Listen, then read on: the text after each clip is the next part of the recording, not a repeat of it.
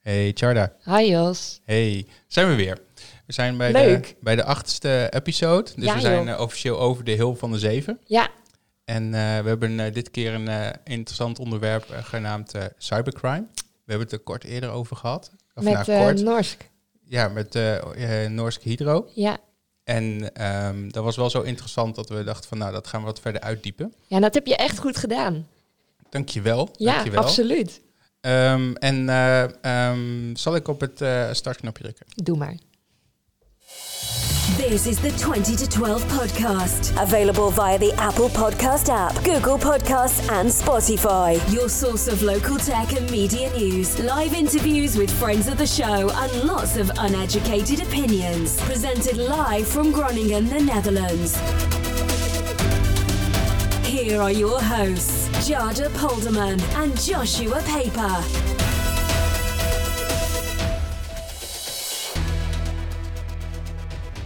Mag ik een compliment geven over jouw trui? Ja, dat mag. Ja, een mooie trui heb jij aan. Dankjewel. Ja. Wat heb jij ook een mooie trui aan? Ja, ik heb exact dezelfde aan. Ja, maar dan zwarte. Klopt. Ja, ik heb, ik heb een witte, want ik dacht van, eh, eh, dan is het anders. Ja. En ik heb al heel veel eh, donkere, donkere oh, truien. dus je moet wat kleur in je leven. Nou, wit is ook niet echt een kleur, net als zwart. En grijs Ja. ook geen kleur. Wel, wel vrolijker dan zwart. Ja, dat vind ik ook, ja. maar dat vlekt wel heel erg. Dus eh, ik heb eh, na het eten deze trui aangedaan. Oh, slim van je. Lijkt me, beter. Ja. Ehm, hey, eh, wij gaan het over cybercrime hebben met de politie. Ja.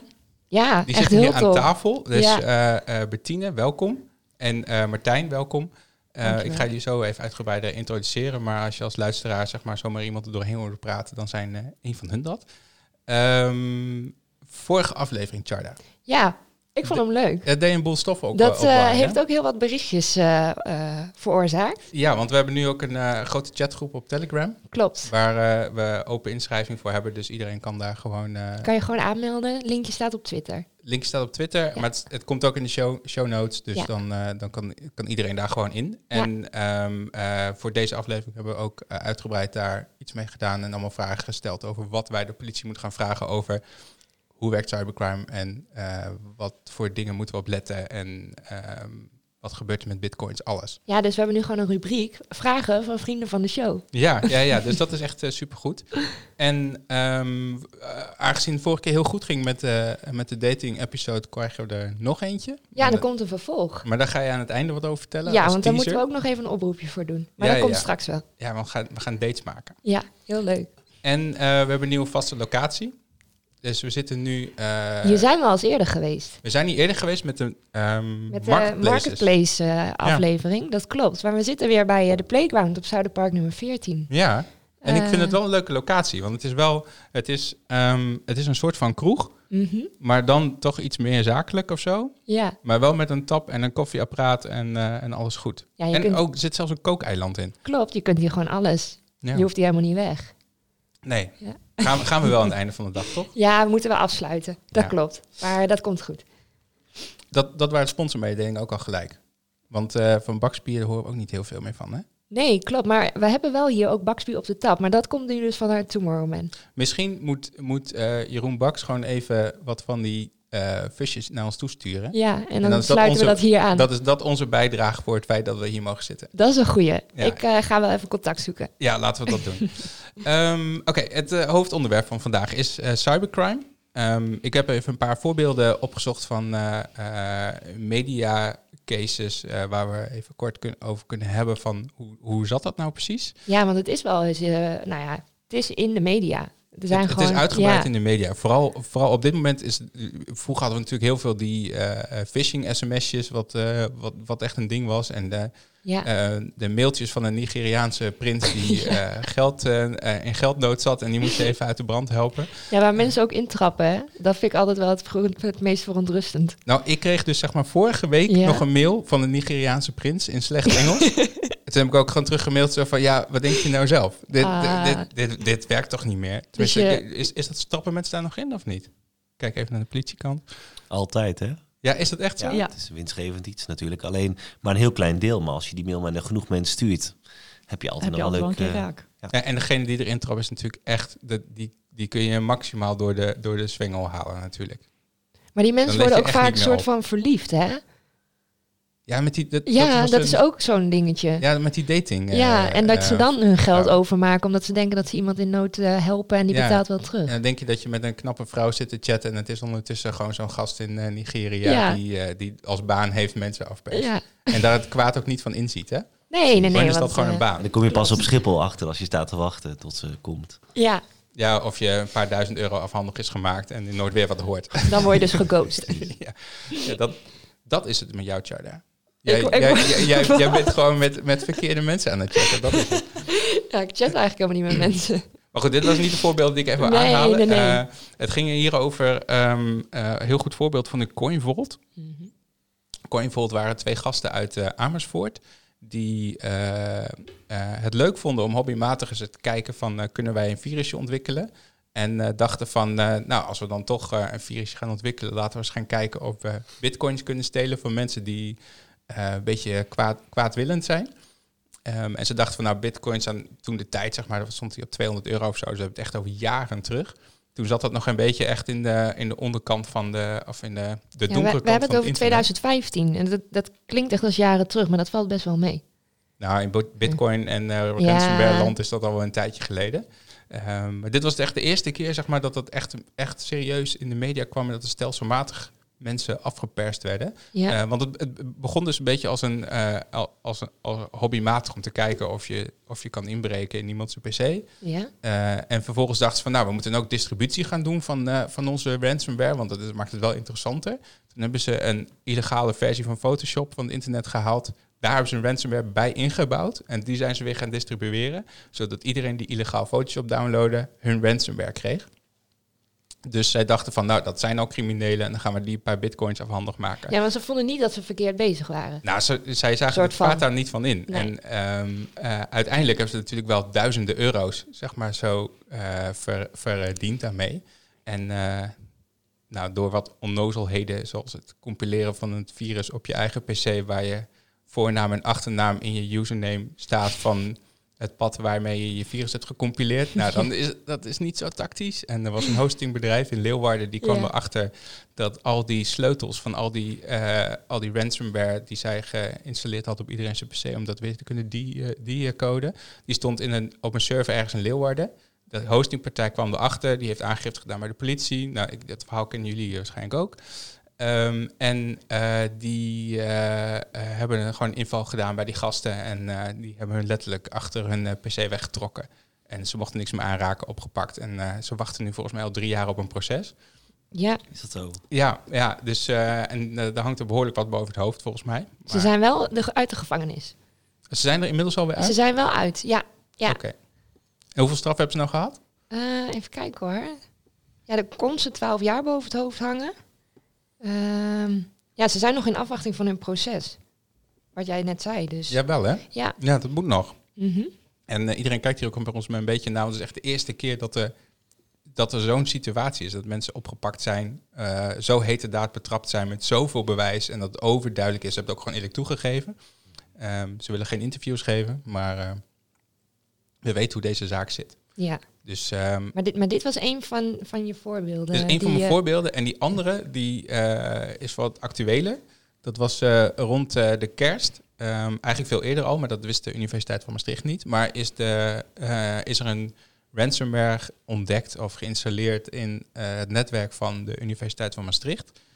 Ehm, die, zijn, die hebben alles geëncrypt, ook de backups en alles erop en eraan. En daar kwamen zij rond de kerst achter, want nou, meestal is het zo dat de meeste bedrijven en universiteiten ook, die hebben rond de kerstdagen werken daar minder, minder mensen. Ja, Dus als je eh, een goede aanval wil doen, dan doe je dat in de periode dat de skeleton crew, noemen ze dat dan, eh, Ja. er is. En eh, dan, dan ga je je kraak zetten. maar ze hadden dus al twee maanden lang, dat, dat was al twee maanden in hun systeem, die ransomware. Ja, dat stond echt al tijden in hun netwerk. En eh, ze hebben heel stap, eh stapsgewijs een beetje gepeuterd en gevoeld om te kijken waar ze allemaal naar binnen konden. Alles infecteren en dan eh, tussen kerst, of met de kerstdagen Ja, alles op slot zetten. En, eh, want dan heb je even tijd. Dan kan je er ook een, een, een, paar uur voor uittrekken om al die, eh, al die acties uit te voeren. en toen kon de universiteit zijn portemonnee trekken. Nou, dat, dat, dat deden zij dus. Zij, zij trokken de portemonnee, betaalden 193.000 geloof ik, eh 193.000 euro aan eh, eh, bitcoins, 30 bitcoins, Mhm. eh, met de dagwaarde van eh, 30 december. Aan, eh, aan de criminelen om vervolgens eh, hun eh, eh, ja, databestanden te laten unlocken. Ja. Maar het is, het is ook altijd de vraag of, je, of ze dat daadwerkelijk gaan doen. Eh, maar eh, ja, dat is, dat, dat, dat is eh, een mediafeitje dat want ik ook die- even aanhaal. Ja, hier staat dan ook nog in, dat, in datzelfde mediaartikel dat ze een moeilijke keuze hadden omdat aan de universiteit al eens een maand dicht moest en studenten dan ook niet af konden studeren. Dus dat dat de overweging ook is geweest om uiteindelijk wel eh, te betalen. Ja, maar je doet dus wel zaken met criminelen. Dus het, Ja. is, wel, het is wel iets ingewikkelds. Ja. Ehm, dus dat, dat waren twee dingen die eh, ja, ik een beetje als, eh, als onderwerp eh, wou eh, behandelen. Ja, cool. Ik heb er echt zin in. Mooi. Ik ook. Ehm, Oké, dan eh, gaan we het er nu over hebben met de politie. Ehm, wij hebben hier aan tafel zitten eh, Bettine Keizer. Ik eh, ken jou al heel lang, Bettine. Want Ja, jij was eh, ceremoniemeester op eh Dorine Mijn Bruiloft. Ja. En eh, eh, toen werkte jij nog bij de Rabobank. Ja, En eh, inmiddels werk je bij de politie. Ja, ja, En ik heb een verhaaltje over jou getypt. Oh. Momentje. spannend. Even kijken. In, eh, twee, van 2004 tot 2007 studeerde jij commerciële economie. Ja, Maar waar dat, waar dat was, kon ik niet zo snel vinden. Was dat hier in Eh, Groningen? Ja, in? Groningen. Destijds eh, had je HBO Nederland. Oh Eh, ja. dat zit daar aan de over of za- zat bij de stationsbrug. Daar zitten nu appartementen in, eh, zag ik laatst. Oké. Ja, dat, eh, bij de Coffee United, eh, daar zo. Ja. Een stukje verder. Ja, Ja, een stukje verder. Ja, Ja, de, oh ja, dat Klopt. kleine eh, stukje bij de paté daar om de hoek. Ja. Ja, oké. En toen in 2007 ben je begonnen bij de Rabobank eh Interim Management. En ik weet dat je op bijzonder beheer hebt gezeten. Ja, ik heb ehm, nou, bijna tien jaar bij de Rabobank gewerkt. Ooit begonnen met een traineeship in Almere. Ehm, en of all places. Of Ja. all places. Ehm, maar goed, je moet ergens beginnen. Wel een hele leuke tijd gehad. En vervolgens heel veel interim klussen gedaan. eh, voor langere of kortere perioden. Ehm, ja, overal. Tussen alles wat eh, van Almere tot aan Stadskanaal. En alles wat er in de lengte en de breedte tussen zit. Ja, want jij werkte toen ook bij een detacheerder? Of Ja. heb je rechtstreeks? Ja, Ja. oké. Vo- eh, voornamelijk eh, voor detachering eh, eh, bureaus. Ehm, en de laatste paar jaren in vaste dienst bij de Rabobank. En dan inderdaad op bijzonder beheer. Ja, want eh, dit, eh, Rabobanken die waren vroeger allemaal losse banken. Ja. Weet Ja. ik dan toevallig, inside info. En het was heel moeilijk om van bank naar bank te gaan, dus het ging altijd om via detacheerders. Weet je, Ja. Een beetje zo Ja. rondgehopt, zeg maar. Omdat, ze, eh, omdat je niet makkelijk kon overplaatsen van de ene bank naar de andere, want dat was een fysiek een andere bank. Ja, En en een eigen bankvergunning en alles, dat was allemaal los vroeger. Precies. En er was wel behoefte aan mensen die dan wel wisten hoe het bij de buurbank ging. Ehm, zodat ehm, ja, je daar weer het beste eh, uit kon halen en daar weer wat van kon leren. Ja. Dus zo werd dat maar opgelost. inmiddels is Eh, het allemaal anders. Ja, en, inmiddels eh, is het ook gewoon één bank. Ja, en eh, de hele flexibele schil noemen ze dat dan. eh daar daar willen ze ook vanaf, geloof ik. Want dat is Ja. natuurlijk wel een dure hobby. Even kijken. En toen, eh 2011, heb jij een, eh, of ben je begonnen met een MBA en heb je op 2015 gehaald bij de rug. Ja, klopt. Ik heb een deeltijd inderdaad eh, ehm, mijn master eh, eh, nog gehaald. Ja. Ik ben daar ehm, eh, door de Rabobank in gefaciliteerd. Ehm, dus toen een heb hele je mooie studie. Ontslag genomen en ben je bij de politie gaan werken. Ja, ja dat, daar komt het wel kort gezegd op neer. Ja, dat was in 2016. Ja, inderdaad. En je bent begonnen als financieel rechercheur. Ja, dat klopt ook, inderdaad. Begon als financieel rechercheur. En wat doe je vandaag de dag? en vandaag de dag ben ik toegevoegd teamchef op het onderdeel thematisch. Eh, en dan zie ik jou kijken van, eh, wat houdt dat in? Ja. Ehm, eh, binnen de recherche hebben wij ehm, onze onderdelen ehm, op onderwerpen ingericht. En thematisch houdt in, dat is onder andere zeden. Maar ook, ik hou me bijvoorbeeld ook bezig met het team milieu. Dat is ook een, een heel breed onderwerp. maar financieel valt daar ook onder. En ook het cybercrime team. Oké. Nou, hele verantwoordelijkheid volgens mij. Ja. Ook heel wat Ja. anders van waar jij vandaan komt. Klopt. Maar ehm, ja, een hele mooie baan. Hele, hele fijne organisatie. Dus Heel blij met je overstap. heel blij met mijn overstap. Ja, nog geen dag spijt van gehad. En ehm, eh, wat, is, wat is jouw connectie met het cybercrime eh, team? Ehm, wat is mijn connectie als teamchef? eh, eh, zit je overkoepelend dus over eh, voor een aantal afdelingen, eh, wat ik net al zei. Ehm, Ja, wat wat Dus, doet een eh, teamchef? een, eh, een teamchef is voornamelijk ehm, voor de hoger over bedrijfsvoering. Je moet je voorstellen dat we hebben natuurlijk heel veel beleid, wetten en regels. Als ik het bijvoorbeeld terugbreng op milieu, er komt een vuurwerkverbod aan. Dat gaat allemaal veranderen komend jaar. Dan moeten we toch wel in het land als politie, nou ja, wel gezamenlijk optreden en hetzelfde gaan doen. Eh, dus het teamchef zit eh, op dat niveau over beleid en aanpak te praten. Ja, En dan eh, over de onderwerpen waarvoor je aan de lat staat. Mhm. En ook cybercrime dus. En, en dus ook cybercrime. Ja. Ja. Oké, ehm, nou, dan gaan we naar onze andere tafelgast, eh, eh, Martijn. Eh, Martijn eh Krijnsen, toch? Klopt, Ja. helemaal. ja, ik mag jouw naam eh, wel eh, normaal zeggen. Eh, en eh, even kijken, jij eh, hebt eh, 2006, 2008 Bachelor Safety and Security gedaan. Ja, en, klopt. eh, Leeuwarden. In Leeuwarden. En toen heb je in 2000 van 2011 tot eh, 2015 zat je op de politieacademie en heb je Master of Criminal Investigation afgerond. Ja. Ehm, Dit was, dit was toch afgeschermde informatie? Of, eh, nou, jij zet dat zelf out in die open. Dus, eh, ik LinkedIn al die privacy dingen. Helaas. Jos heeft Nee, gewoon dat werkt verzameld. ja, maar wij zijn niet eens vrienden op Linked- LinkedIn, dus Nee, ik kon het gewoon zien. goed onderzoek. Ja. Ja, eh, even kijken. En eh, eh, toen was jij eh, recherchekundige. Eh, wat, wat, wat houdt dat in? Ja, recherchekundig ben je dan. Ja, het is eigenlijk een heel raar woord, want eh, wat je bij de politie zag, eh, dat, ehm, nou, eh, ik weet niet, er zijn wel dingen gebeurd binnen de politie waardoor ze ook het idee krijgen dat er tunnelvisie was. En toen hebben ze landelijk gezegd, we moeten eigenlijk de politieorganisatie 20% moet in ieder geval hoger opgeleid zijn.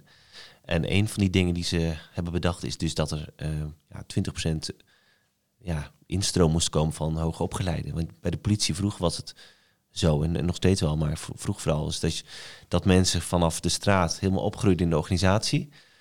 Alleen omdat de, wereld om ons heen verandert zo snel, eh, merk je ook wel dat als je ja, naast de normale gedachten, de, de gangbare gedachten, ook weer nieuwe input wil hebben, dan is het ook handig als je mensen toevoegt die hoger opgeleid zijn en ook weer bepaalde ideeën meebrengen. En samen ben je zo'n goed geheel. Ja, oké. En dat, eh, daar ben jij dus eh, zo iemand van. En Bettina dus volgens mij ook. Ja, klopt. Ehm, en ehm, wat is een, coördinator nodale oriëntatie? Ja, dat is een hele mooie. Ik wat er echt naar te gedaan? kijken. wa- Wat is dat nou weer? Ja, wat, wat is dat nou?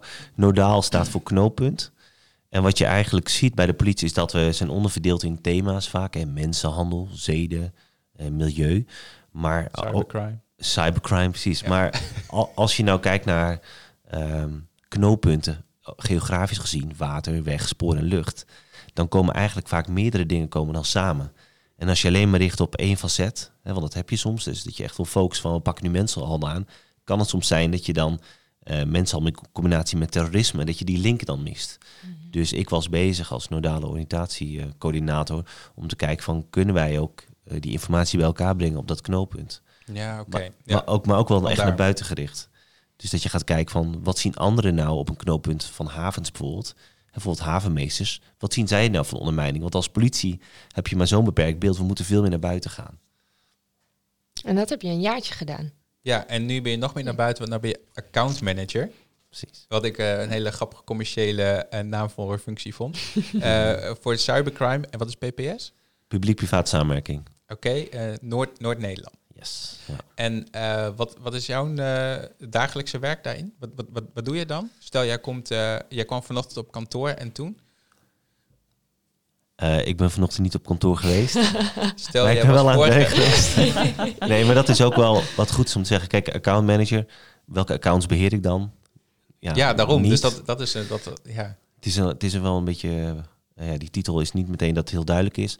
Maar het idee is eigenlijk dat we als politie, voor, ook op het gebied van cybercrime, willen we veel meer de connectie maken met de wereld om ons heen. En ehm, waar, waar ben ik vandaag geweest? Ik heb vandaag gepraat met, eh, met, met een ICT-opleiding MBO. Om te kijken van kunnen wij ook samen iets doen om cybercrime aan te pakken. En preventie gebeurt veel, maar verstoren van cybercrime. Of het opsporen, wat nu vooral bij de politie ligt. Ja, ik zou heel graag meer die samenwerking willen aangaan met, met dat soort partners. En vanmiddag zat ik bij een grote gemeente in Noord-Nederland om te praten van oké, wat doe je nou als gemeente? Want wat je ziet, cybercrime, kijken we allemaal naar de politie. Hè? We hebben, dat is helemaal goed geframed.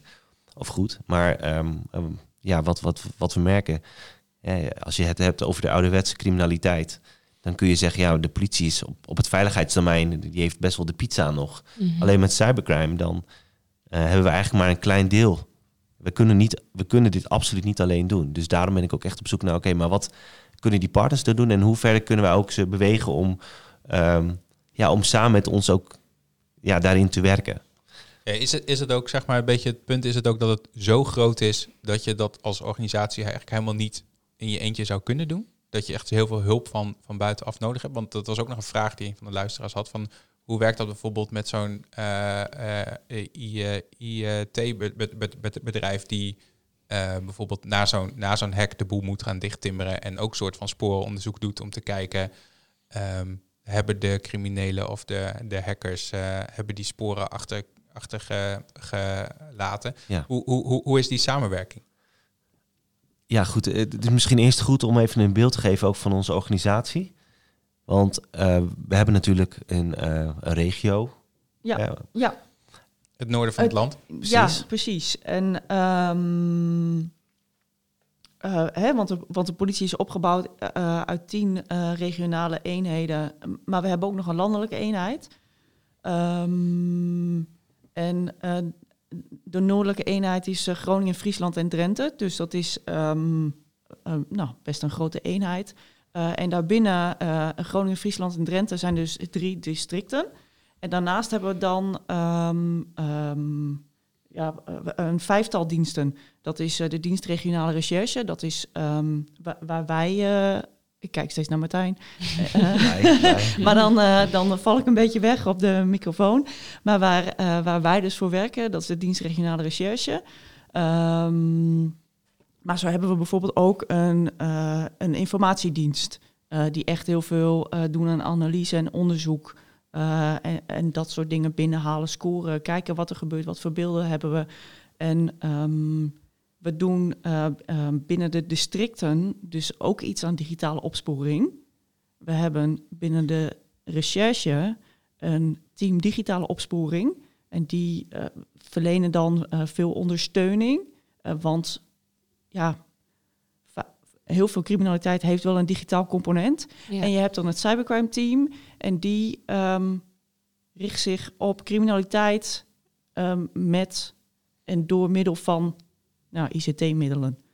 Ja, ja, want je hebt natuurlijk, natuurlijk dit uh, marktplaatsfraude, waarbij even moet gecontroleerd worden wie ja. uh, de, de illegale uh, of de heling laptops verkoopt via marktplaats. Ja, dat, ja. Is, dat is natuurlijk niet, voor, niet helemaal voor een team. Nee, dat, maar... dat zou je ook heel goed, want we hebben een landelijk meldpunt internet oplichten. en dat steken we ook heel vaak wel financieel in. want je kan dan... natuurlijk ergens op meerdere manieren komen. Maar internet oplichten, is dat dan, valt het dan in een bakje cybercrime? Of? Ja, dit is een hele interessante, hè? want ja. we, we, hebben het ook over een cybercrime team. Maar is dat team, is dat alleen uh, hè, die, die 20 mensen ongeveer die, die in Noord-Nederland actief is als, als met cybercrime zaken? Of zeg je ook, hè, je doet aangifte op een basisteam, dus een politiebureau met ongeveer 200 man met een Kijk, bijvoorbeeld Leeuwarden is een bureau met 200 man, die is over een bepaald geografisch gebied. En die, die doen ook zaken op cybercrimegebied. En die zijn ook essentieel, want die, die doen allemaal werkzaamheden ja. waar, waar we volgens mij samen ook één geheel in vormen. En dat is basisteamniveau. Dan heb je de districtsrecherche, die doet weer wat complexere zaken. Uh, en daar, daarboven zit dan ons team, de, het cybercrime team. En die doen weer complexere zaken. En uiteindelijk heb je landelijk gezien een team High to Crime, hè, wat je af en toe wel tegenkomt in de media, ja. uh, die, die ook uh, grote complex zaken doen. En ook bijvoorbeeld met de vitale infrastructuur aanvallen, die daar ook probeert daar iets op te verzinnen. Dus um, ja, zo zijn we een beetje ge, ge, ja, gelaagd. gelaagd. Maar wat heel belangrijk is, is dan ook dat, dat ik, ik vind het te simpel om te zeggen van nou, dat is dan het cybercrime team en daar gebeurt het. Het is het onze we zijn als organisatie gezamenlijk, zijn we een team. Ja, we ja, zijn nee, verantwoordelijk dat, Voor, op, voor de opsporing. Ja. Waarbij we wel zeggen, internetoplichting zit vaker bij uh, de regionale blauwe diensten. Eh Bij het cybercrime. basisteam, politie. de eh, blauwe diensten zijn de mensen in uniform, Ja. Ja. ik voor de uitzending. Ja, Ja. inderdaad, dat klopt helemaal. Ja. Goed onthouden. En bij cybercrime eh, kan je bijvoorbeeld denken aan back- of CEO-fraude. Ehm, om maar eens een voorbeeld te noemen. Ja, CEO-fraude, ik ook een mooi verhaal. Of nou, een mooi verhaal. Interessant verhaal hoe dat gaat. Heb je het toen meegekregen van die eh, directrice van de Pathé? Dat Nee. die, die heeft eh, miljoenen Oh, overgemaakt jawel, naar... jawel, jawel. Naar eh, partijen die eh, werk verrichten, maar eigenlijk niks deden, toch? Nou, nee, dat die, die- iemand deed zich voor als iemand anders van dezelfde organisatie. En die Oh, moest ja. even wat geld overmaken. En, maar dat eh, was ook nog niet zo lang geleden. dat is heel kort geleden, Ja, ja. en, dat- da- en daar zijn inderdaad veel voorbeelden van. Of dat er dan een valse factuur inderdaad eh, eh, Ja, betaald factuur, moet ja, worden. de- nou, ik krijg wekelijks eh, van die Ja. facturen. ik denk van, Maar dat nou, is dit, ook- eh, In mijn idee is iets, daar kom je dan achter als het allang gebeurd is. ja, ja, ja, dat vaak is ook zo. Ja. Ja, dat is vaak te Ehm, laat. maar dat wil niet zeggen dat we, dat we niks meer kunnen doen. Nee, En dat is natuurlijk om, ook het, zo. eh, om erachteraan te gaan, een verdachte te pakken en natuurlijk ook het geld eh, eh, terug te halen. Ja, dus, want ehm, misschien ook wel leuk om te vertellen, want het cybercrime team ehm, bestaat uit specialisten. Dan hebben we het over de digitaal rechercheurs. Ehm, maar daar zitten ook financieel specialisten in, informatieanalisten en mensen, ja, algemeen rechercheurs. Dus mensen die wat generieker Ja. in de opsporing zijn opgeleid. Dus het is, het is meer dan digitaal rechercheurs. ja, het is echt een volledig team. Ja, het is met echt een allerlei- recherche-team. ja. Ja. met allemaal onderdelen ook natuurlijk. Ja, Ja. Ja, Ja. want een, de- een, eh, ik denk dat bij die ransomware teams, die, die, die bijvoorbeeld zo'n universiteit eh, gaan kraken, eh, daar komt een heleboel bij kijken. Dat gaat niet zomaar. Eh, want wat ik heb begrepen is dat er is een hele levendige handel in eh, achterdeuren die openstaan bij eh, bedrijven. Je kunt, kunt dat gewoon kopen op de dark web. Zo van, Ja, dit is een lijst data. met bedrijven die de achterdeur hebben openstaan. Ja, Eh, en dan kun je daar gewoon eens gaan rondneuzen om te kijken of je verder naar binnen kan kraken. Dus Ja. je hebt echt, maar ook daar heb je hele laging in. En eh, daar gaat ook een heleboel geld in om.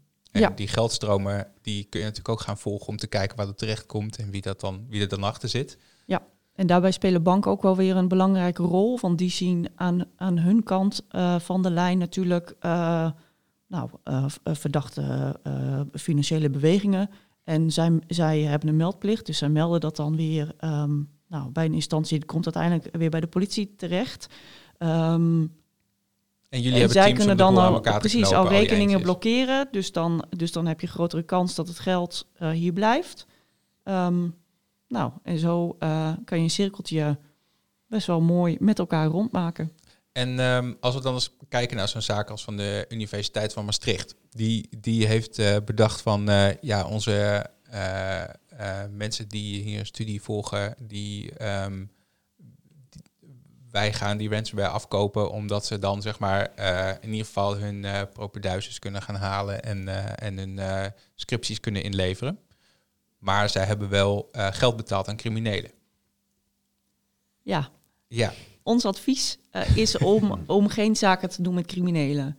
Ehm, en, ja, en de keuze is aan de instelling of het bedrijf die het overkomt. Maar ons advies is, eh, Maar doe het- dat niet. Je maar- weet ook niet zeker of het wel, maar is, of is als het- je is betaalt het dat het wel wat- weer Maar, vrijkomt. maar het mag dus wel. Je mag, je mag zeg maar ervoor kiezen om een crimineel geld te betalen voor het feit dat hij jou afperst. Eh, Dat is geen, Daar, eh, daar is, volgens mij is daar geen eh, Nee. wettelijk verbod op. Je mag kiezen om aangifte te doen. Ja, Ja. Dus in die zin kun je alles binnenhouden. Hè, wat ook heel veel bedrijven doen. Omdat eh, je natuurlijk ook bepaalde imagoschade kan oplopen ja. lopen als je iets naar buiten brengt. Dus om het maar niet te Dus- vertellen dan. En, en wij hebben, ik heb zelf ook wel het beeld dat datgene wat we nu zien, dat het maar een fractie is van wat er allemaal zich afspeelt. Ja, ja, ja. dat- want ja, wij, wij zitten een beetje in die digitale wereld, zeg Mhm. maar. En we weten wel dat er, Ja. dat er ook wel mensen zijn die dat wel afgekocht hebben en daar gewoon Mhm. eh, verder niks over zeggen. En hopen dat vertel, dat... eh, vertel, dan gaan we straks wel even... ja ge- ja. Maar ehm, eh, Maar is dat dan ook niet misschien een soort van schaamte van, oh, het is ons overkomen en dan moeten we het gaan vertellen je- dat het kan- ons gebeurt? kan een enorme reputatieschade Ja. zijn. Kijk, stel dat jij eh, met eh, eh, data werkt. Stel, stel je bent een bedrijf. dit is niet een voorbeeld van wat ik weet dat echt zo is. Oh, Oké, goed dat Maar het stel je bent een bedrijf wat medische data ver, ver, verwerkt voor, Ja. voor ziekenhuizen. En je hebt zo'n hack gehad Mhm. en ransomware gehad. Nou, dit, voor jouw reputatie is het gewoon... Dan, je, je business kan dicht als er, Ja. als er uitlekt dat jij al die data op straat hebt gehad. ja. Ja, Want je- absoluut. Want zo'n ransomware aanval is natuurlijk nou, nou ja, zij eh, zorgen ervoor dat je niet meer bij je data kan. Maar ze hebben ook toegang gehad tot, toegang gehad tot jouw data. Dus je weet ook niet, zeg maar, je, je, kan, eh, je kan het wel af gaan kopen. Maar wie zegt niet dat zij over een, een jaar weer op de stoep staan omdat ze al jouw data doorverkocht hebben aan een andere partij om nog even wat extra te cashen. Ja. En dat ze gewoon weer, weer terugkomen met het, met het hele, hele verhaal van, nou ja, nu hebben we zeg maar zoveel eh, data van jou op een eh, marktplaats staan. Als je eraf wil hebben, moet je betalen. Ja, eh, en daarom ook de oproep om, ehm, eh, los van de keuze die je wel of niet maakt, om alsnog aangifte te doen. Als jij aangifte bij ons doet, is dat, Mhm. dan ligt dat niet eh, morgen bij de krant. Hè? Dan, dat is natuurlijk Ja. vertrouwelijk. Dat, dat, ja, dat Ehm, lijkt me ook wel, ja. Maar het- Ehm, Ja. Want dan kunnen, we in het, dan kunnen we wat doen met een Mhm. aangifte. Want aangifte is, een, is ehm, eh, de basis ehm, voor de start van een stra- strafrechtelijk onderzoek. En het versterkt onze informatiepositie. ja. Zo zien wij, als wij, ja, dan zien wij wat er gebeurt. Want Ja. In hoe, Noord-Nederland en in Nederland. Precies. En als je het ons niet vertelt, dan weten wij het ook niet. En dat is niet alleen wij als politie, maar dat is ook wij als Nederlandse samenleving Ja. volgens mij. Want eigenlijk willen we toch weten dat dit soort dingen zich afspelen. Want als blijkt dat er heel veel geld hierin aan verloren gaat, Mhm. eh, dan, dan moeten we als samenleving daar ook iets aan doen volgens mij. En dat is ook wel belangrijk, ook wat ik net ook al zei met cybercrime. Dit is een probleem van ons allemaal. Dit is iets wat ons allemaal aangaat. En het zou mooi zijn als we niet alleen kijken naar de politie, maar dat je ook kijkt van oké, wat is mijn verantwoordelijkheid nou als bedrijf of organisatie of instelling om ook dit soort informatie ook door te geven. Ja. En daarbij denk ik ook wel eens soms van hè, imagoschade. Eh, het idee dat je 100% beschermd bent, dat, dat bestaat niet meer. Dus als iemand bij jou wil hacken en die, diegene is heel goed, dan En die doet het. heel goed zijn best. Ja. En Precies. daar heeft er wat Dan tijd is- en eh, inspanning voor dan over. is het gewoon een hele kleine kans dat je Ja. niet wordt gehackt. En dat realisme, dat moet volgens mij ook wel. eh, nou, dat moeten we misschien ook in de samenleving meer krijgen. Van jongens, eh, het, het kan iedereen overkomen. Dus schaam je ook niet. Nee, maar de andere kant, het vo- voorbeeld wat ik net aanhaal, dat, dat, ik kan me ook wel voorstellen, zeg maar, dat je, wel, dat je dan wel aangifte gaat doen, maar dat je, dat je wel eh, echt duidelijk afspraken maakt over van, nou, ik wil niet dat iemand hier gaat rondlopen in zo'n eh, in een uniform, in het, in het oh, hoe noem je dat, in het blauw, Ja. Eh, hier, hierop, hierop kan, kan, eh, kan eh, Toor, want hier lopen Ja. ook mijn klanten rond en ik wil dat niet dat ze dat nee, zien. maar dat, eh, dat zijn Ja. hele legitieme vragen. En Ja. Ik kan je ook vertellen dat ehm, de meeste van onze specialisten, en dan of je het nou over digitaal regisseurs hebt, maar ook over financieel regisseurs, eh, eh, lopen niet elke dag per se in een uniform. Nee, wel als je Ehm, even ergens binnen moet kijken, maar Eh, ja, en soms ook niet. Ja. Soms ook niet. Dat kan een keuze zijn. Dus ehm, het is voor ons ook heel gewoon om in onze gewone kleding In je burgerkleding. Ja. of heet onderzoek dat te doen. zo? Ja, Ja. En het, is heb- ook, het is ook wel zo dat, dat als je als bedrijf aangifte wil doen en dit soort gedachten leven bij je, dan kun je daar ook gewoon over praten. Het is niet zo dat wij een Ja. logge organisatie zijn die zegt van nou, wij komen in uniform en anders komen we niet. Snap je? Dus, want wij hebben behoefte ook om dat soort dingen, ook dat soort signalen binnen te krijgen. Dus het zou wel eigenlijk heel van de gekken zijn als wij dan zeggen als organisatie, ja, jullie moeten onze gedragsregels voldoen, anders dan... Anders komen we je niet helpen. Precies. Ja. Is het dan ook zo, want we horen nu een paar keer al ransomware in combinatie met cybercrime, maar dat is toch niet alleen cybercrime? Er zijn toch tig... eh, voorbeelden Ja. te verzinnen. Ja, Ja, er zijn een, een aantal dingen. En ehm, nou goed, ik zit dan in Noord-Nederland bij het cybercrime team. En zo zijn er dus tien cybercrime teams. ja, En wat we eigenlijk allemaal eh, hebben, is een eigen onderwerp die we oppakken en ook verdiepen. Want we merken met cybercrime dat, eh, dat naast het opsporen, dat het ook goed is dat je samen met partners kijkt van oké, hoe kunnen wij cybercrime aanpakken? En daarom eh, gaat elke eenheid ook dat thema adopteren. En zoals phishing is een cybercrime vorm. oh ja, tuurlijk. Ja. Wat dan een eenheid heeft. Eh, ransomware is ook eh, wat een, e- een andere eenheid weer heeft. Eh, business email compromise is ook een variant ja. wat ergens leeft. R- eh, RAD, eh, remote access tool. DDoS. Ja, precies. Oh ja, daar kan je ook wel nieuws eh van Ja. halen. Ja, ja, ja, daar ja. genoeg voorbeelden van. Ja. Dat is eh, bij de meeste eh, bedrijven is dat die, die wat groter zijn, is dat Ja. de dagelijkse bezigheid om dat buiten de deur te houden. Precies. Ja, van die vervelende. Klinkt bijna zo normaal, hè? Maar dat, dat Ja, is, het niet. Maar het is dus wel heel normaal, omdat dat je daar echt last van hebt, zeg Ja. maar. Dat, dat iemand dat doet en dat je weet ik veel hoeveel verkeer uit, uit India of Rusland krijgt. En dat je denkt van holy shit, nou alles maar weer dichtgooien. ja. Ja. Nou, dat is een, daar, heb Ja. je, daar heb je werk van. Maar eh, ja, doe je dan aangifte? Ik geloof niet dat, dat, dat, dat, dat wij dat doen. Nee. Nee, het is meer zo van, dit is gewoon een, dit is gewoon Dit werk. gebeurt gewoon, ja, ja. je moet het gewoon dichtzetten en dan is het weer klaar. En dat, dat is gewoon. maar eigenlijk ja. zou je dus wel aangifte moeten doen. Want dan, Eh, is het dan de bedoeling dat je van elk... Ik krijg heel vaak phishing mails en sms'jes en allemaal dat soort onzin. ja. Eh, moet je dat dan allemaal doorgeven? Of eh, moet je elke keer aangifte doen? En hoeveel tijd kost dat? En hoe doet- werkt dat? Ja, je doet eh, aangifte op het moment dat er eh, ja, je schade sprake hebt. is van een strafbaar feit. Ehm, Maar is een phishing mail sturen een strafbaar feit? Nou, eh, kijk, het is een beetje hoe... Ik, ik kreeg, eh, gisteren kreeg ik een sms'je op mijn telefoon. Eh, Of je even opnieuw inloggen bij internetbankieren? Rabobank, ja. Ja, En, heb ik ook heel vaak gehad, ja. Ja. En wat mooi is dat Rabobank dan zelf zegt, eh, op het moment dat wij zoiets hebben, eh, meld het dan bij ons. Eh, ja, dat kun je dan online ergens melden. Ja, bij de Rabobank zelf. Ja, en het is super goed geregeld, waardoor zij ook als het ware proberen om die stroom van informatie ook te kanaliseren.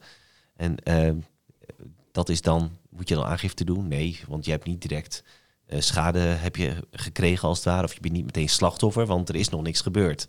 De inbreker staat nog buiten. Ja, Terwijl op het moment dus dat er iets strafbaars plaatsvindt, dan is dat moment gekomen dat je ook zegt van nou, dan daar wil ik ook mijn aangifte. En, eh, en bijvoorbeeld zoiets als een eh, DDoS-aanval, wat, wat eh, heel, veel, heel veel voorkomt tegenwoordig. Misschien moet je even nog uitleggen, want mijn oma luistert natuurlijk ook, wat een Oh, ja, ja. DDoS-aanval is. Een, DDoS-aanval is zeg maar een soort van variant van digitaal deurtje bellen. Maar dan zeg maar op alle deuren die je kan vinden van een bedrijf. En zo vaak mogelijk, zo lang mogelijk, zodat er geen normaal persoon meer bij de deur kan komen. Oh ja, dus je blokkeert gewoon doen alles. Ja, het is een soort van eh, digitale filevorming die je uitvoert. eh, eh, wa- wa- waardoor jij als bedrijf onbereikbaar raakt. Nou, de meeste bedrijven die kunnen zich daar prima tegen wapenen tegen, tegenwoordig. Door Ja. te zorgen dat je of enorm veel capaciteit hebt, waardoor je, dat heel moeilijk is om zo'n aanval te doen. Of om ervoor te zorgen dat je het verkeer waar dat, waar dat vandaan komt, en meestal is dat in het buiten, uit het buitenland, Ja, dan blokkeer je gewoon tijdelijk gewoon zo'n buitenlandse. Eh, eh, eh, blokkeer je al het verkeer uit het buitenland voor een dag. En dan kijk je of het ophoudt. En dan gaat, het- gaat de dag weer gewoon verder. Maar dat, dat is dat wat maakt het dus dat jij zegt, ja, dat is gewoon onderdeel van het werk. ja, ja, ja, ja, dat is het ook. Ja, en ehm, ehm, het is ook, zeg maar, ik- je kan misschien wel aangifte doen, maar ik zou niet weten. Dus schade, schade heb je niet, je hebt er wat werk van. Ja. Ehm, maar ik weet wel dat het niet mag. Maar, maar wat, ja, dan heb je geen schade, denk je, bij DDoS op een webshop? Ja, dan en heb je wel bol.com schade, die een hoor. dag niet bereikbaar is. ja, als je, Kost gewoon... Ja, maar eh, dan, dan heb je schade. Maar wij, Precies. wij krijgen wel aanvallen. ehm, maar, maar die weet je te weren. die weet je te weren. Ja. dat kost ook tijd en geld. Maar ehm, Ja, dat is als de inbreker rammelt aan je deur. ja. En Wat ja, ja. de vraag is van, eh, eh, ja, je plaatst wat extra sloten, maar is dat dan schade? Ik weet het niet. Ja, dat, dat vind ik ingewikkeld. Maar iemand doet wel Mhm. iets wat niet mag. Want volgens mij, de, eh, een DDoS-aanval mag eigenlijk gewoon niet. nee. Maar ik weet niet precies hoe dat Ja, het is lastig, want als je andere computers inzet om met z'n allen naar één website te gaan en deze over te belasten, wat je vaak ziet is dat die computers, dat die gehackt zijn, Ja, dat die deel uitmaken van een botnet. Ja. En dan kun je wel zeggen, ja, dat mag niet. En als het, ja, als het, als het vernielen is of... eh, eh, ja, is het een soort van Eh, digitale ja, van de computervredebreuk breuk of zo kom je dan Ja, eh, wat is het? misschien op. Maar ik zit ook niet heel diep inhoudelijk op alle wetsartikelen die daar ten grondslag liggen. Maar ehm, Ja, dat, eh, Nou, ik weet dat ook niet. Maar ik, ja, wij doen in ieder geval niet van dat soort dingetjes. Doen we geen aangifte. We denken gewoon altijd van, nou, dat is een of ander eh, eh, kleuter die eh, voor, Denk eh, leuk, ik voor ga een, even wat 0, proberen. zoveel bitcoin eh, een aanvalletje uitvoert. Nou, sterkte ermee. en, en dan gaat onze dag weer gewoon verder. En je merkt ook gewoon zo, gauw is niet, eh, als dit soort dingen niet werken, dan houdt het ook wel op. mhm. Het, het duurt ook meestal een half uurtje of zo, en dan is het ook weer over. maar als het groter zou zijn, zou je dan wel aangifte doen?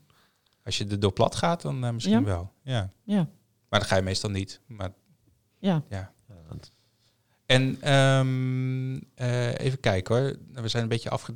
Ja, sorry. Ik stel natuurlijk weer zo'n vraag wat dan Ja. compleet buiten jouw dat- lijstje ligt. Nee, maar dat geeft helemaal niet. Ehm, eh, even kijken hoor. Eh, en dan de, het CoinVault verhaal. Want eh, nou, dat, dat heeft misschien toch een beetje raakvlak. Ja. Dat zijn twee eh, jonge gasten die bedacht hebben... van gaan we een, van een hobby eh, werd het een criminele activiteit... en van een, criminali- digi- eh, van een eh, criminele activiteit werd het eh, afpersing... en eh, alles erop en eraan. Mhm. Ehm, is, dat, is dat iets wat jullie meer zien? Dat het een beetje zo ontstaat op de hobbybob zolder en dat het uitgroeit tot iets eh, wat eigenlijk echt niet kan? Of is het, is het tegenwoordig wel echt grote ge- ge- georganise- georganiseerde criminaliteit? Dit, is heel, dit is een heel lastige vraag, Ja. want je hebt het nu over heel veel verschillende cybercrime vormen. Nou, ik heb het al specifiek over de ransomware. Precies, waar, waaronder Ja. ransomware. Ehm, en waarbij, ehm, waarbij vaak ook geen aangifte wordt gedaan. Dus ons beeld is echt, is echt beperkt. Op, Ja. hè, vandaar ook die vraag van laten we samenwerken om dit beter in beeld te brengen. Mhm. Want hebben jullie een beetje een idee van hoeveel je daadwerkelijk hoort? Of, eh, want Ja, je hoort zijn wel natuurlijk... cijfers van. Nee, want je weet niet wat je niet hoort. nee, maar Dus de meeste je- bedrijven... Je kan ook niet zeggen, zoveel procent horen we wel. Nee, maar als je bijvoorbeeld een eh, bev- beveiligingsbedrijf hebt als eh, Qubit hier in Groningen, Hm. die, die eh, eh, daar weet ik van dat zij wel eens dit soort situaties mee, meemaken. Mhm. En eh, ik neem aan dat zij in hun protocol hebben staan van, nou, je moet eigenlijk wel even aangifte gaan doen. Ehm, dat ze dat tegen hun klant zeggen. Maar eh, Dat hoop ik ook, inderdaad. dat, dat hoop ze ik dat ook. zeggen. Maar is het, is het zo dat, dat via de achterdeur, zeg maar, bij jullie toch wel binnenkomt van, nou, wij behandelen zoveel van dit soort zaken per jaar? Of is die inf- informatie, k- k- Vanuit krijgen zo- jullie dat niet? Vanuit zo- bedrijf? vanuit zo'n bedrijf. Op dit moment denk ik dat dat niet zo is. Het is wel interessante informatie Ja, te hebben. ja dat is het ook inderdaad. Ja, het Ehm, niet met naam ja. en toename, hoeft het misschien niet. Mhm. Maar als je een beetje weet wat voor vormen er eh, veel voorkomen en wat voor bedrijven een beetje getarget ja, maar ik worden. denk en dat, dat, dat, onze digitaal regisseurs dat wel, dat wel dat weten. je dat wel een beetje Eh, weet. maar ja. dan op andere manieren ehm, daar wel toekomen. Dus net als wat jij zei, goh, hoe meer ik me erin verdiep, hoe meer ik me besef dat het wellicht het topje van de ijsberg is. Ja, ja Eh, dat sowieso. en onze digitaal regisseurs zijn natuurlijk continu bezig met zich verdiepen in de materie, eh, de innovatie op dit gebied. Dus Ja, je, hebt, Ehm, je hebt ook gewoon cijfers. En volgens mij, als je kijkt wat, voor, wat het meest speelt, is volgens mij eh, phishing is, is een van de belangrijkste 40%, 50% van alle cybercrime aangifte, delicten. En ehm tech support scam, dus dat is de de helpdesk helpdesk fraude. fraude, ja. Dat is een hele belangrijke. En eh, wat je ook hebt is ehm ja, betaal-app-fraude volgens mij. Dus Eh, dat, Tiki-fraude. Tiki-fraude, Ja. die is ook ja, heel groot. komt ook wel veel voor, ja. En eh, wat je ziet met ransomware is dus dat er vaak eh, geen aangifte wordt gedaan. Nou, ik, ik kom natuurlijk nu wel eh, veel buiten. En dan hoor ik wel, ehm, eh, dan, dan, dan hoor ik wel verhalen van oké, we hebben dit nu meegemaakt. Wat, wat moeten we daar nou mee? Eh, en dan geef ik ook aan van nou, ik zou altijd aangifte doen. Hè. Eh, Ook al weet je dat vaak ook mensen die, eh, die hierachter zitten uit een ander land komen. Ja. En dat het, eh, de, de kans wel vrij groot is dat het, dat het niet een dader opleeft, oplevert. Eh, ja. Of dat je hem vindt en in een land zit waar wij niet zo veel mee kunnen. Ja. Ja. ehm, dat het toch wel belangrijk is dat we het wel weten dat het heeft plaatsgevonden. Eh, dus op die manier weet ik wel dat er veel speelt. Alleen, eh, ja goed, we zijn als politie ook gewoon in verandering. Hè, vanuit eh, klassieke criminaliteit, hè, wat Erik Akerboom zei het al beg- van van het begin van het jaar, we zien steeds meer online criminaliteit. Dus als organisatie zijn we ook aan het mee veranderen om daar ook ehm, meer mee te gaan doen. Dus ook om die focus meer op cybercrime te richten. Dat is ook een van de redenen waarom we nu landelijk cybercrime teams krijgen. Want het is nu een, Mhm. een uitrol vindt er nu plaats. Ja. Eh, hè, dat elke eenheid een, een, team van ongeveer 20 man gaat krijgen. Ja. En dat heeft allemaal met die beweging te maken. Dus ik, ik ja, En jullie zijn nu echt Ja. actief bezig met die teams bouwen. Ja, want Ja. wat als je Ja. daarbij wil dan? Ja, hoe, dan, hoe eh, werkt ja. dat? uh, www.kombijdepolitie.nl. Ja. Ehm, daar eh, eh, komt alles op te staan eh, wat wij buiten openzetten. Ehm, inmiddels zijn we. Want al- wat voor soort mensen zouden dan geschikt zijn voor zo'n cybercrime team? Ehm, nou, net wat ik net zei, er zitten mensen met verschillende achtergronden. Onze digitaal regisseurs moeten toch echt wel dieptekennis hebben van ja, eh, verschillende devices eh, Ja. eh, en, en dat soort dingen, hoe je daarmee omgaat. Dus het moet een beetje, wel een beetje de hackers eh, zijn, zeg maar. Zoals die gasten die van eh Coinvolt, die hadden eigenlijk beter kunnen solliciteren bij jullie. In plaats van hobbymatig. ja, dan, dan hadden ze in ieder geval aan de goede kant van de lijn eh, Ja, dat gestaan, geen inderdaad. situatie gehad. Ehm, maar ja, je hoeft niet, ook niet per se te kunnen hacken ehm, eh, om bij ons te komen. Dus eigenlijk wel heel breed. Maar wat voor, dat- ach- wat voor achtergrond, wat voor studies, wat voor... ehm, Ja, IT-studies, eh, maar die zijn er natuurlijk ook in heel veel grote soorten en maten. variëteit. ja, informatica, eh, Ja. ICT. Als je maar iets hebt met ICT. Het moet je interesse ook wel hebben natuurlijk om erin Ja, te willen ook- verdiepen. Ja. Ja. en Ja. ook om bij te blijven moet het ook echt, echt je interesse je hebben. moet het Want- leuk vinden want om het een gaat natuurlijk te- zo snel. Dus jij, in eh, Joshua, zo. zou ook... eh, wij zouden dat ook kunnen doen. Eh, Dat zou kunnen. Ja. Ja, Ja, ik, ik ben zelf niet heel erg van... eh, eh, eh, nou, we hebben zelf natuurlijk ook wel eens per ongeluk gehackt. Maar dat hebben we in de andere aflevering al een keer verteld. Maar ehm, eh, eh, dat, is niet, dat is niet mijn hobby. Maar Nee, ik, ik moet zeg maar zakelijk wel... Omdat ik ook veel softwareontwikkeling Ja. natuurlijk doe... dan moet je wel weten, zeg maar... hoe gaat een hacker te werk... en hoe zou die dat doen... en daar moet je wel een beetje tegen wapenen. Ja. Ja. Maar wat je ook net zegt al, eh, eh, is, is als ze echt willen binnenkomen, dan komen ze binnen. En het, de, de truc is dat je dat zo snel mogelijk erachter komt. en ja dat, van de hoe hebben ze het gedaan, eh, maar Ja. ook eh, eh, de spullen veilig stelt. Ehm, eh, een digitaal regisseur kan ook eh, eh, meegaan op zoekingen. Eh, dat was in dat voorbeeld eh, in dat artikel van die eh Coinevolt, eh, stond dat ook heel mooi eh, Mhm. eh, verwoord van eh, de computer stond aan en eh, die werd direct... eh, Ja, die jongen werd er letterlijk achterweg Ja. getrokken Ja. en mocht er niet meer aankomen. Precies. Zodat hij niet kon lokken en zo. Maar En, ook, eh, ook na- natuurlijk de, het digitale verhoren hoort daarbij. Eh, dus, dus de functie is heel breed, maar wel heel erg toch wel van want de als inhoud. iemand, iemand wordt opgepakt, hè, die zetten ze in zo'n verhoorcel. Moet jij dan daarbij naar binnen en moeilijke vragen gaan stellen? Hoe, is er dan iemand bij of hoe, hoe gaat dat? Eh, meestal doe je een, eh, nou over het algemeen doe je een verhoor natuurlijk nooit alleen. Maar ehm, eh, ja, het kan inderdaad voorkomen dat jij dan degene bent die de moeilijke vragen stelt. Dat Ja, is dus dan moet je ook wel wat kennis hebben. Nou, je moet er redelijk sterk in je Ja. schoenen staan. Kijk, ik, ik weet, ligt er een beetje wie je voor je hebt zitten natuurlijk. Maar ik kan me voorstellen dat, als je, dat je dat best spannend vindt als je een, een oplichter voor, voor je hebt zitten. En jij gaat even uitleggen eh, wat hij heeft uitgehaald en wat je er allemaal vanaf weet. Ja, maar je doet het nooit alleen. Nee, je wordt wel goed Nee. voorbereid. Dus, dus ja, wat training ook ehm, waarschijnlijk daarin. Ja, het is niet eh, dat je morgen begint en dat we je direct eh, ehm, Nee, dat het kan- verhoor in, eh induwen met de grootste crimineel die we op dat moment eh, eh, hebben. Dus, zo, dus zo gaat dat niet. Ehm, maar dat is wel ook onderdeel van je functie. Waarbij je dat natuurlijk niet elke dag of elke week doet, maar het hoort er wel bij. En daarnaast hebben we natuurlijk ook, eh, nou, wat ik net al zei, een financieel specialist, informatieanalisten, die moeten heel goed kunnen omgaan met info, data, onderzoek. Dus dat is weer, weer een heel ander vlak waar die mensen op zitten. Ja, Ja, dus als je data science achtergrond hebt, eh, dan, Ja. dan is, dan is het ook analyse, een, onderzoek. Ja, je hebt nu, kijk, sowieso voor alles heb je opleiding. Dus als je bij de politie komt, is het niet zo van, oh, zoek het uit. Er zijn allemaal opleidingen voor, daar moet je aan Ja. voldoen. Er, zijn, er is nu een vacature open, dus eh, digitaal coördinator. Ja. Ja. En eh, dan ga je eigenlijk de digitale regisseurs aansturen. En een regisseur zegt al, recherche, zoeken. Eigenlijk, eh, en dat is ook wel leuk, dat een hacker heel geschikt is voor de politie. Want die doet eigenlijk hetzelfde. Die zoekt natuurlijk naar gaten om binnen te komen. Ja. En wat je als politie doet, is juist zoeken naar sporen. van, van die hacker. die Mhm. dan Precies. ingebroken heeft. En een hacker Ja. weet als beste hoe die sporen zijn. Dus als je Ja. uit de ICT komt en eh, je houdt van zoeken, ja, dan ben je bij de politie ben je gewoon aan het goede adres. Want je bent voor de goede zaak ben je bezig. En eh, vaak vind je ook nog hele interessante dingen. En je bent ook, eh, ja, ook met, met cybercrime is natuurlijk hartstikke hot. Eh, daar ben je ook gewoon mee bezig. Om ook een verschil te maken in deze wereld. Om nieuwe dingen te ontdekken. En dat, dat vind ik altijd wel leuk. Ik ben een algemeen, ik kom uit de algemene recherchekant. Dus, dus tactische regisseur. Maar in dit team zie je dus dat er ook veel meer digitaal, meer ruimte is voor digitaal regisseurs. Want normaal heb je maar één digitaal regisseur. En dit zijn dus meerdere digitale regisseurs die samen ook gaan kijken van wat voor sporen, sporen kunnen we nou vinden. Eh, IP-adressen Mhm. eh, of, of andere dingen vanuit de logbestanden.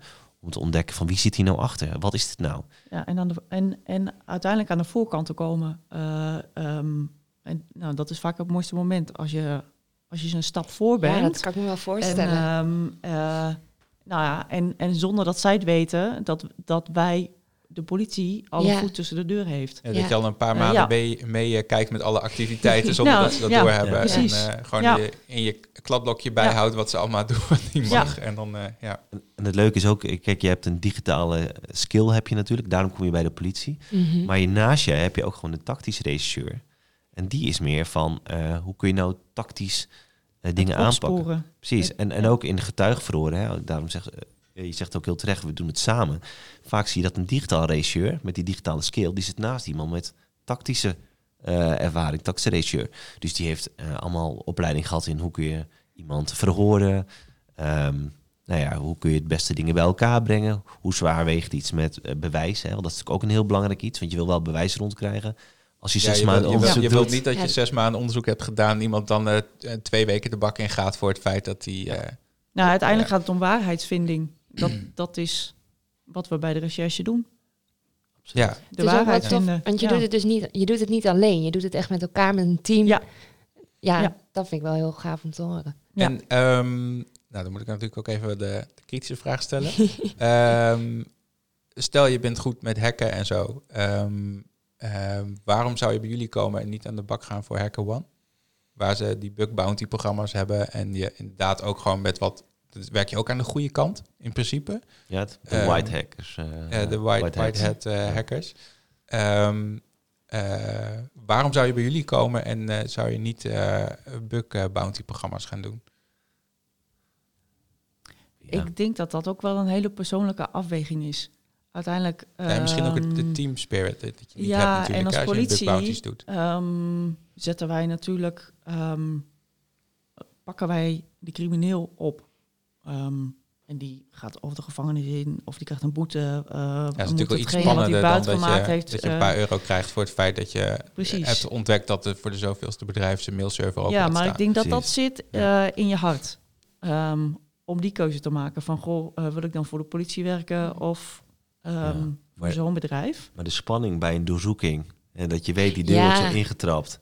En eh, wij gaan straks naar binnen. En ik sta, eh, de digitaal regisseur staat meestal niet vooraan. Want dat zijn de collega's eh, in uniform vaak. Eh, en je weet van, oké, ik ga zo naar binnen. En ik moet zorgen dat die computer dat die niet wordt uitgezet. Want dan zijn de sporen weg. Ja, Nou, dat soort dingen, dat komt er natuurlijk bij. Dat, dat, en dat is natuurlijk een hele andere spanning. Wat ook spannend kan zijn. Dus dat je een, een gat vindt bij, bij, hè, bij een bedrijf in de ICT-structuur. Ja, het Dus lijkt me heel spannend als je echt zes maanden ergens aan werkt. en dan En sta je je, weet voor dan van, deur. als ja. we diegene niet snel genoeg achter die PC vandaan trekken, is het, we- ja. dan, is het, dan is het weg. Dan, dan kost het me zoveel extra moeite om, eh, om die data er weer uit te vissen. Ja, en je krijgt nog veel meer mee, want en dat vind ik wel leuk om bij de politie te werken. Je hoort natuurlijk ook van zaken die spelen. Dus je krijgt ook een hele andere beeld van de, van de samenleving, van de werkelijkheid. Van hé, hey, oh, dit wist ik helemaal niet dat dit ook zo werkte, als het ware. Dus Zijn jullie dan zelf ook eh, voorzichtiger? Nou, het je, laat maar zeggen, zo je werk is dat je weet van, nou ja, er gebeurt zoveel online. Mensen eh, bewegen op deze manier. eh, ja, denk je daar dan zelf ook tien keer meer over na dan? Gemiddelde toen, ik, ehm, ja. toen ik net eh, bij de politie werkte, was ik daar meer mee bezig. Maar, maar dan ook in een volle, eh, niet alleen op cybergebied, maar in de volle breedte van eh, onze samenleving. Inmiddels ja, is, dat, Ja. is dat ook weer gewoon iets wat, wat bij je hoort. Ja, Ja. Ehm, en ik, ja, aan de andere kant weet je ook eh, wat wij als politie er met elkaar aan doen om nou, de wereld een Een stukje, stukje Ja. veiliger Ja. te maken. Ja, Want eh, eh, voor, voor- qua beeldvorming, voor, voor, me- voor mij, volgens mij is dat cybercrime en wat er allemaal uit het buitenland en hier wordt uitgevreten en zo, is het echt een beetje dweilen met de kraan open. Ehm, is het ook iets wat zeg maar de laatste jaren alleen maar erger wordt en erger wordt en erger wordt? Ik weet dat landen bijvoorbeeld digitale oorlogsvoering met elkaar hebben. Ehm, maar dat, dat is weer een heel ander onderwerp. Maar, maar ehm, eh, ik heb het idee, zeg maar, als ik kijk bij ons, Mhm. hoeveel, hoe erger het nu is dan twee jaar terug, eh, dat, het, dat, het, dat het niet echt lukt om, om de boel buiten de, buiten de deur te houden.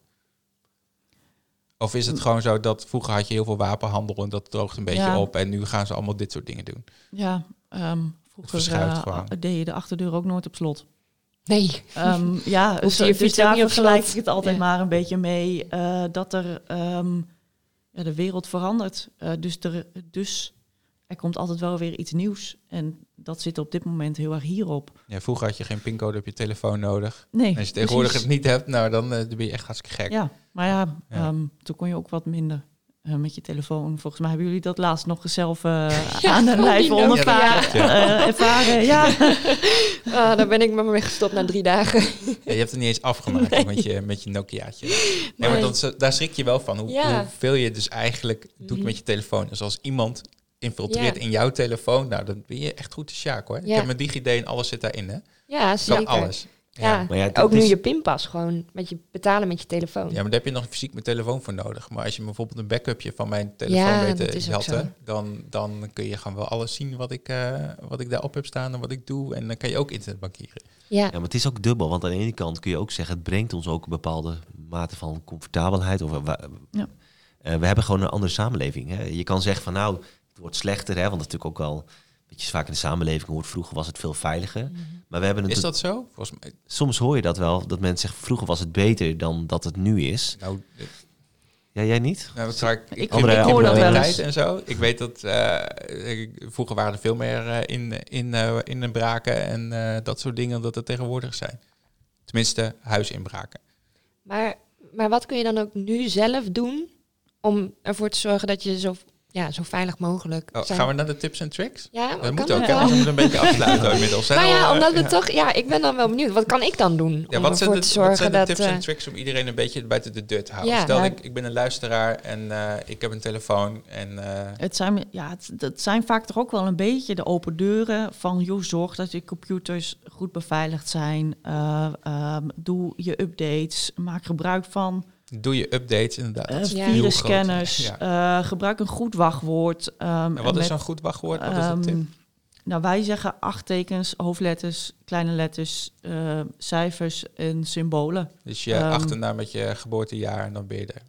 Dat, Dat, dat- eh, dat zou jij kunnen doen. doen. Maar eh, ehm, ja, wat ze ook tegenwoordig meer aanbevelen is ook zinnen te maken. ja, wachtwoord, meer- Ja, wachtzinnen. ja. Makkelijker te onthouden ook. Ja, Precies. Ja. ehm, En Oh. passwordmanagers? Die zie je ook eh, dat die gebruikt worden. die gebruik jij ook. Ik gebruik dat ook, ja. Maar ik heb ook echt duizenden wachtwoorden. Ja, en die dat- zijn heel lang. En het enige wat dus echt een issue is, is dat je dus als je eh passwordmanager wordt gehackt, dan, nou, dan, Eh, ben, dan ik ben je echt, echt aan, de dan ben ik echt aan de beurt. Ja, Maar dat is ook lastig. Je weet in deze tijd Ja. ook niet wat er volgende week bekend wordt. Hey, wat, Ja. Want voor hetzelfde Ja. geld is het dan zo. En dan denk je al die tijd dat je veilig bent geweest. En dan ligt in één keer liggen al je wachtwoorden op straat. Ja. En dat maakt het ook best wel lastig om eh, naast de algemene adviezen ook specifieke eh, ad- ICT-beveiligingsadvies te geven. Omdat je gewoon, het is, het is een complexe wereld. eh. en ik, ik merk ook wel bij de politie soms, hè, bijvoorbeeld ook met eh, de Citrix-problematiek. Ja. Dan komen, en eh, dan word ik gebeld in het weekend van ja, kun je ons vertellen wat we moeten doen? Want wij hebben Citrix. En, de eh, stekker eruit trekken. Dat was het eh, belangrijkste advies, eh, het beste advies wat je had kunnen geven volgens mij. Ja, maar het punt is dus wel op het moment dus dat ik zeg van oké, als je dit en dit doet, is het goed. En los van die stekker eruit trekken, want dan kan er niks meer gebeuren. Maar als ik zeg dat er iets minder dan die stekker is en er komt wel iemand binnen, ja, dan, dan be- ben ik wel verantwoordelijk. En zo voel ik me ook. Dus als politie eh, moeten we ons niet gaan begeven in een veld wat voor de ICT-bedrijven bedoeld is. Mhm. Dat wij als het ware die informatieadviezen geven. Wij zijn echt van oké jongens, hebben jullie last van ransomware? Dan kunnen wij jullie vertellen hoe je in ieder geval die sporen veilig kan stellen, zodat we maximale kans hebben om daar nog iets uit eh, te halen Ja. verdacht te vinden, maar misschien ook wel om bepaalde gegevens te halen, zodat de andere bedrijven, eh, dat het bij hun voorkomen kan worden dat het daar plaatsvindt. ja, Door samen meer die informatie te delen. want, Ja. zo, want zo verhogen we die pakkans. En als we die pakkans verhogen, eh, maken we ons land minder aantrekkelijk voor cybercrime-criminelen. Nou, als we dat zouden Dat kunnen zou echt bewerkstelligen wel- ja, eh, met elkaar, maar daar hebben we elkaar echt voor nodig. Dus dat is ook eigenlijk ja, wat, je, wat jullie al wel de hele tijd zeggen. We, hebben, we moeten het eigenlijk met elkaar doen. We moeten het met elkaar erover hebben. Ja, doe aangifte. Ja, Ja. En als je twijfelt, bel gewoon. ja. Ja. Eh, ja, je kan ook gewoon een gesprek voeren. Ja. Je hoeft Ja. niet- ja. En, en eh, wij hebben zelf in Noord-Nederland, eh, vind ik nog wel interessant toe toe, wij hebben zelf, eh, want ik noemde verschillende cybercrime vormen, we hebben zelf account takeovers bij webshops in Noord-Nederland als thema. Dus op dat thema willen we ook gaan kijken van wat gebeurt er nou eh, hè, bij, bij, eh, wat gebeurt er nou bij webshops waar eh, accounts worden overgenomen. Eh, hoe ervaren webshops dat en hoe kunnen we daar ook samen in werken om dat aan te pakken? Ja, dan, eh, eh, eh, als je bijvoorbeeld een bol.com account hebt en eh, dat wordt overgenomen, of neem je dan de beheeraccount van een bol.com over? Of, Ja, als een klant dus last heeft, dus dat zijn account wordt overgenomen. ja, oké. ja. Precies. Mhm. En eh, nou, dat, dat is ook een van de grote. Nou, er zitten heel veel aangifte ook op dat vak. eh, Ja, vak- heeft er heel erg last van, hè?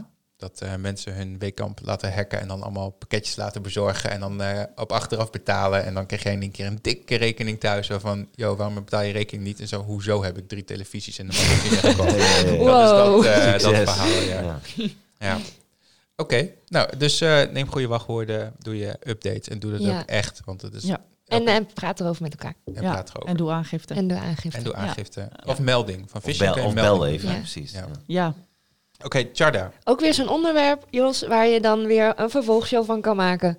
Ja, ik heb ook weer nog zoveel vragen, joh. Nou, we moeten denk ik ook een keer met Hacker One even een keer gaan Ja. praten, want wij kennen hun natuurlijk ook goed. Eh, en ehm, ook eens even kijken hoe, hoe, hoe, hoe eh, zij er, erin Ja. staan en wat zij allemaal tegenkomen. Want zij hebben natuurlijk wel ehm, ook een hele goede, goede maatschappelijke taak om die eh, eh, hackers, de, de slechte hackers, Mhm, het zo absoluut. moeilijk mogelijk te maken door ervoor te zorgen dat de bounty programs zijn die eh eh, white hat hackers doen om op die manier zeg maar bedrijven beter dicht te timmeren. Ja, Dus dat, dat, is, dat is ook een hele industrie, een hele kant.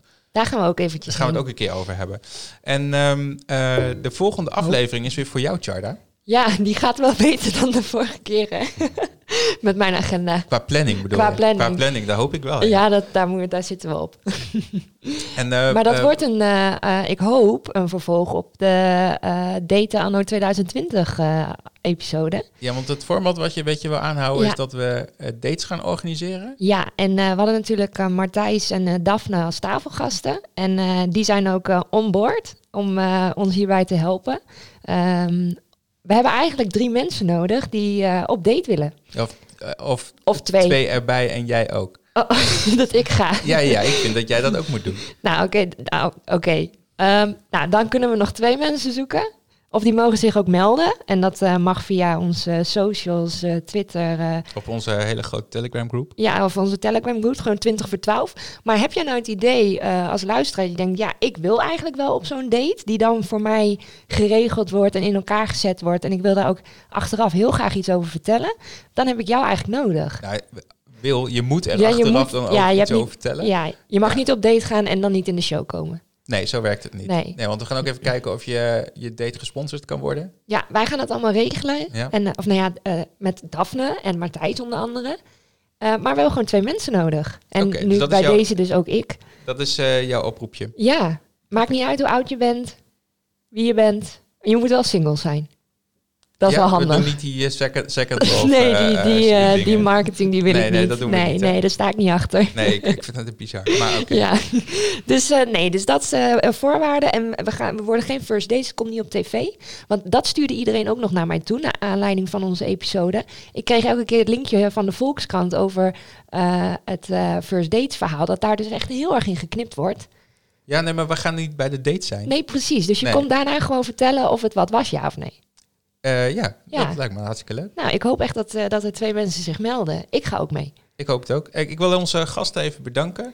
En eh, ehm, we hebben geen, geen merchandise nog om weg te geven, maar ik, ik zorg dat het bij jullie komt. komt bij jullie. En kan je het trouwens ook bestellen via de website? Nee. Etsy Via, Shop. via onze Etsy shop kun je truien, t-shirts. Ja, want daar hadden we in het begin nog over onze trui, maar we hebben niet verteld wat voor trui we aan hebben. We hebben een 20 voor 12 trui. aan. Ja, heel mooi. Ja, als je op de live of als je op de stream kijkt of op de eh, YouTube eh, eh, uitzending, dan, dan, dan kun je dat zien. Maar we posten ook nog wel wat plaatjes, toch? Ja, doen we. Komt helemaal Ja. goed. Eh, dus dankjewel voor de en Zeker. ehm, tot de volgende keer. Tot de volgende keer.